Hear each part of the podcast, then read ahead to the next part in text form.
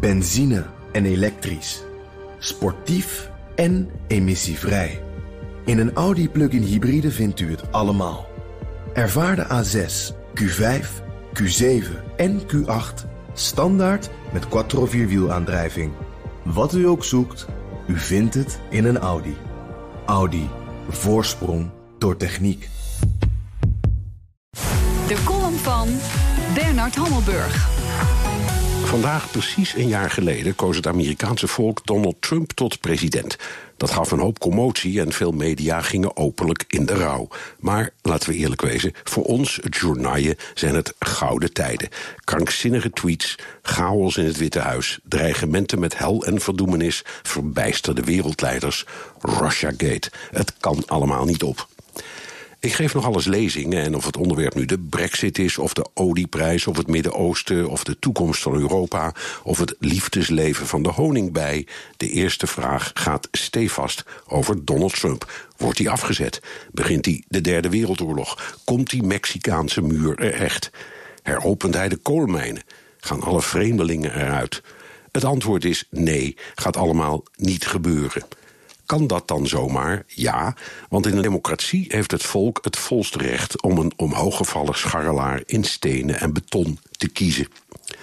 Tot de verkiezing van Trump was CNN een sterfhuis. Nu draait het nieuwsstation met een anti-Trump-beleid als een trein. Bijna zo goed als de pro-Trump roeptoeters van Fox News. De marginale kijkdichtheid van weleer is omgezet in een prachtig marktaandeel.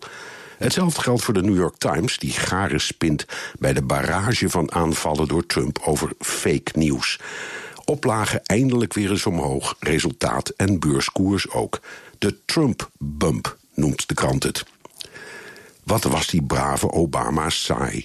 Wat zouden we ons met Hillary hebben verveeld? Ja, nog wel onderzoek naar gesjoemel met geld, deals met dubieuze landen en het e-mailschandaal. Maar zoiets als dit, met een president die openstaande deuren intrapt, naar hartelust beledigt en scheldt, het parlement afkraakt, de rechterlijke macht minacht, dat kan geen journalist verzinnen. Ik zou dus zeggen namens de rechtse, linkse en neutrale media... thank you, Mr. President.